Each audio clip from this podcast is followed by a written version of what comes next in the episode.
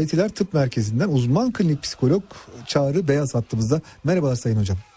Merhabalar, iyi yayınlar dilerim. Çok teşekkür, teşekkür ediyorum. Hocam e, öncelikle size e, geçmiş olsun dileklerimi vermek istiyorum. Siz e, bizzat deprem alanında bulundunuz diye biliyorum ben. E, umarım e, kayıplarınız olmamıştır. Umarım herkesi oradan e, çıkartabilmişsinizdir. Çok teşekkür ederim. E, eşim ve ailesi oradaydılar. E, onlar yakalanmış oldular bu vesileyle. Ben de bir süre orada bulundum. E, oradaki ortamı görmüş oldum. E, çekirdeki ailemizden kayıplarımız yok fakat e, orada çok ciddi kayıplar var. Aile, akraba içerisinde de var. Tanış, tanıdıklardan da var. Büyük bir kayıp var. Ülkemiz için aslında genel manada büyük bir kayıp olarak ifade edebiliriz. Başınız sağ olsun. E, çok teşekkür ederim. Hepimizin başı sağ olsun. Vesileyle e, de dile getirmek istiyorum bunu. Tüm ülkemizin başı sağ olsun. Sabırlar dilemek istiyorum. Sağ olun hocam. Hocam e, şimdi şunu konuşuyoruz. Biz hukuki açıdan e, yani bu maçların oynanmamasını ya da maçlarda konuşulan şeyleri konuştuk. Biraz bunu insani açıdan ve hatta toplumların hareketi açısından konuşmak istiyorum izninizle. Yani şimdi tribünlerde insanlar bir şekilde hükümeti istifaya davet ettiler. Ve bunu da hani 1-3-5 değil bayağı tribünler dolusu insanlar yaptı. Bir maçta değil iki maçta oldu. Şimdi bunun çıkış noktası ne ben sizinle daha önce konuştuğumuz gibi biraz öfke olayında görüyorum. Ne dersiniz? Evet dediğiniz üzere. Şimdi bir ufak ama şey söylemek isterim. Buyurunuz hocam. Bunu bir toplumsal hareket olarak görüyor olmak zaten tehdit gibi algılanmasına sebebiyet verebiliyor. Hı hı. Bunu bir toplumsal hareketten ziyade bir nevi bir toplumsal tepki olarak değerlendirmek aslında çok daha rasyonel.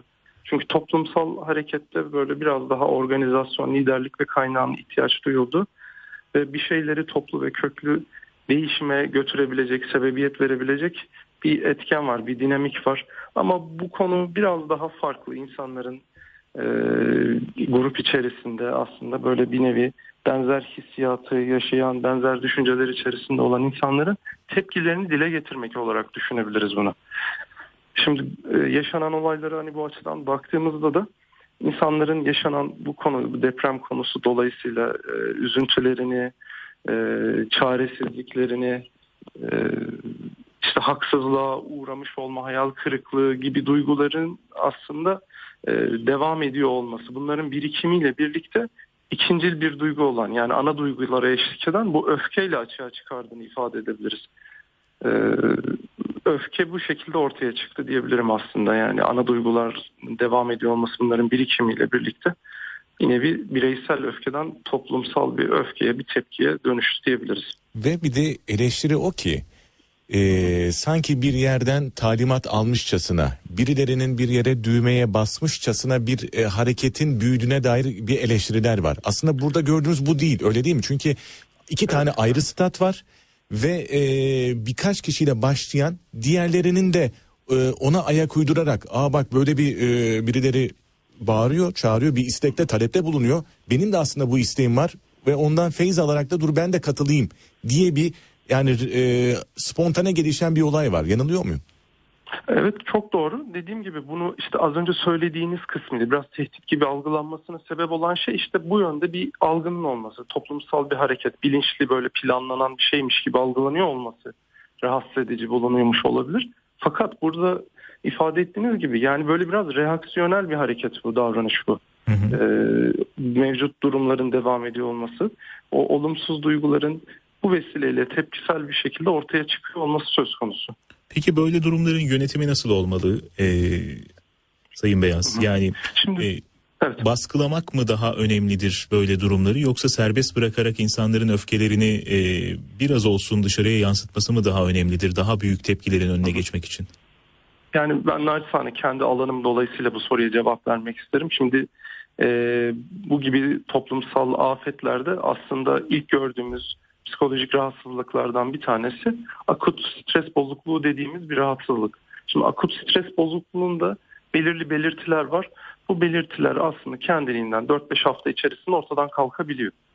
Şimdi e, bunu doğrudan sadece yaşayan insanlarda görülmez aslında akut stres bozukluğu. Hmm. E, sosyal medya vesilesiyle aslında e, bu depremi doğrudan yaşamayan, yaşamayan e, sosyal medyayla, haberlerle deneyimleyen insanlarda da bu belirtiler sıklıkla görülebilir ki öfke ya da az önce saydığım olumsuz duygular bunların en önemli belirtilerinden. Yani biraz bu noktada e, biz de e, alanımız gereği o bir aylık süreçte doğrudan bir müdahale içerisinde bulunmak yerine hı hı. biraz kendinden sönümlenebilmesi noktasında bir beklentimiz var. O süreç eğer uzamaya başlıyorsa sonrasında psikiyatrik e, bir müdahalenin söz konusu olduğu, rasyonel olduğu yönünde ısrarımız olur, yönlendirmemiz olur. Şimdi aynı şeyi toplumsal olarak baktığımızda da ifade edebiliriz. Şimdi insanlar doğal olarak bu akut stres bozukluğunu şu veya bu şekilde yaşıyor. Hemen herkes, hemen hepimizde bunun etkileri var. Doğrudan bunu yaşamış olmak zorunda değiliz. Hepimiz benzer duyguları e, belirli ölçülerde yaşıyoruz. Toplumsal bu gibi tepkilerde de aslında verilebilecek en güzel, en rasyonel tepki insanların bunları, düşüncelerini ifade edebilmelerini sağlayabilmek, duygularını ifade edebilmelerini, yaşayabilmelerini ön ayak olmaktır diyebilirim. Bunları yapmadığımız koşulda aslında işte az önceki gibi bu süreç uzarsa bu kronikleşmeye başlar. Yani toplumsal tepki bir nevi toplumsal harekete e, bu teorilerin tanımına göre baktığımızda sosyologlar çok daha iyi bilecektir. Dönüşebilme ihtimali söz konusu olabiliyor. Yani biraz sakinlikle insanların düşüncelerini, duygularını birbirleriyle paylaşabilmelerini, bir aradayken bunları ifade edip e, deneyimleyebilmelerinin önünün açılması daha rasyonel olan bir tepki olabilir diye ifade edebilirim. Peki e, şunu sormak istiyorum ben size. Yani biraz da aslında sizin söylediklerinizi vurgulamak için Çağlar'ın sorusunu bir parça daha açmak için soruyorum. Yani öfkeyi mesela e, ifade etmelerini engelleyerek öfkeyi sönümlemek mümkün müdür? Yani mesela işte e, Twitter'dan öfke e, saçıyorlar dediler. Peki Twitter'ı kapattık. E, ekşi sözlük dediler. Ekşi sözlük kapandı. Şimdi maçlarda e, maçları kapatıyorlar. E, böylece öfke ortadan kalkar mı efendim? Daha Bunu da büyür mü ya da? Tıbbi olarak soruyorum yani. Yani bilakis öfke e, bu anlamda böyle doğru kanalize edilmiş. Öfke aslında dediğim gibi ikincil bir duygu. Orada farklı ana duygu, temel duygular var. Bunları anlaşılması ve onların giderilmesine yönelik e, öfke bir mesaj veriyor aslında kişiye. Toplumsal olarak da aynı şey. Tam tersine baskılamak yerine akışına bırakabiliyor olmak çok daha etkili olabilecek olan yöntem. Yani insanlar şu an büyük bir yas içerisinde e, sinir, stres çok yoğun bir şekilde yaşanıyor. Bunları bastırıyor olmak bunun daha da alevlenmesine hizmet edici bir yönü olabilir. E, bilakis e, burada biraz da e, insanların duygularını ifade etmelerinin önünün açılması. Akışını biraz bırakmak gerekiyor. Kendiliğinden insanlar bunları ifade ettikçe aslında rahatlama olacak. Toplumsal tepki de olsa bu. E, bunu yapıyor olmanın uzun vadede aslında daha olumlu geri dönüşlerinin olabileceği yönünde bir inancım var benim. Bunu ifade etmek istiyorum. Biricik o zaman ben bir tane daha bir şey sormak istiyorum. Sizinle daha önce e, yayınımıza katıldığınızda konuşmuştuk. Evet. E, şimdi mutfak tecrübesi olanlar için ben bir şey örneği vermek istiyorum. Düdüklü tencere örneği vermek istiyorum. Düdüklü tencerenin evet. içinde bir e, basınçla bir yemek pişer ve o yüzden Hı-hı. daha hızlı pişer. E, içindeki basıncın artması durumunda siz e, daha çok kapağı kapatmazsınız. Aksine üstten bir e, düdüğünü açarsınız ve dışarıya bir buhar salınımı olur. Ve o sayede onu patlamaktan kurtarırsınız değil mi? Biraz konuştuklarımız buna benziyor. Evet örnek. Kesinlikle öyle. Çok somut, çok güzel bir örnek. Aynı şeyi aslında ifade etmek istiyorum. Yani insanların e, bu vesileyle vermek istedikleri mesaj ne? Bunu anlamak önemli. Bu mesajda insanlar neyi dile getirmek istiyor? E, ne anlatmak istiyor? Bunları hem ifade etmelerini sağlamaya çalışmak hem de e, bu mesajları dikkat edip hareket etmek e, öfkenin dinmesine e, çok daha yarayabilecek olan bir yöntem, bir çözüm olabilir diye ifade etmek istiyorum psikolojik açıdan. E, son olarak şunu sormak isterim Sayın Beyaz. Şimdi e, tabii sadece deprem bölgesinde değil sizin de ifade ettiğiniz gibi e, akut stres bozukluğuyla dışarıdan takip eden e, evet. vatandaşlarda da insanlarda da ciddi bir e, birikme oldu ve bir şekilde bunu ifade etmeye işte öfkelerini dışarıya yansıtmaya gayret gösteriyorlar. Bunu kimi zaman e, hükümet istifa diyerek yapıyorlar kimi zaman da farklı yollarla e, ifade ediyorlar. Şimdi toplumun geneline yayılan böyle bir ruh halini tedavi etmek için neler yapılmalı? Böyle büyük doğal afetlerde dünyanın önde gelen ülkeleri e, ne gibi önlemler alıyor toplum sağlığını düzeltmek için? Son olarak bunu sormak isterim. Şöyle bu noktada e, evvela psikolojik ilk yardım daha öncesinde ben bunu çeşitli vesilelerle ifade etmeye çalıştım. E, psikolojik ilk yardımdaki en temel şey insanların kendilerini güvende hisset, hissedebilecekleri bir ortam hazırlamak. Yani barınma, beslenme, e, işte depremin etkilerinden korunabileceği bir ortam oluşturmak uzun vadeli.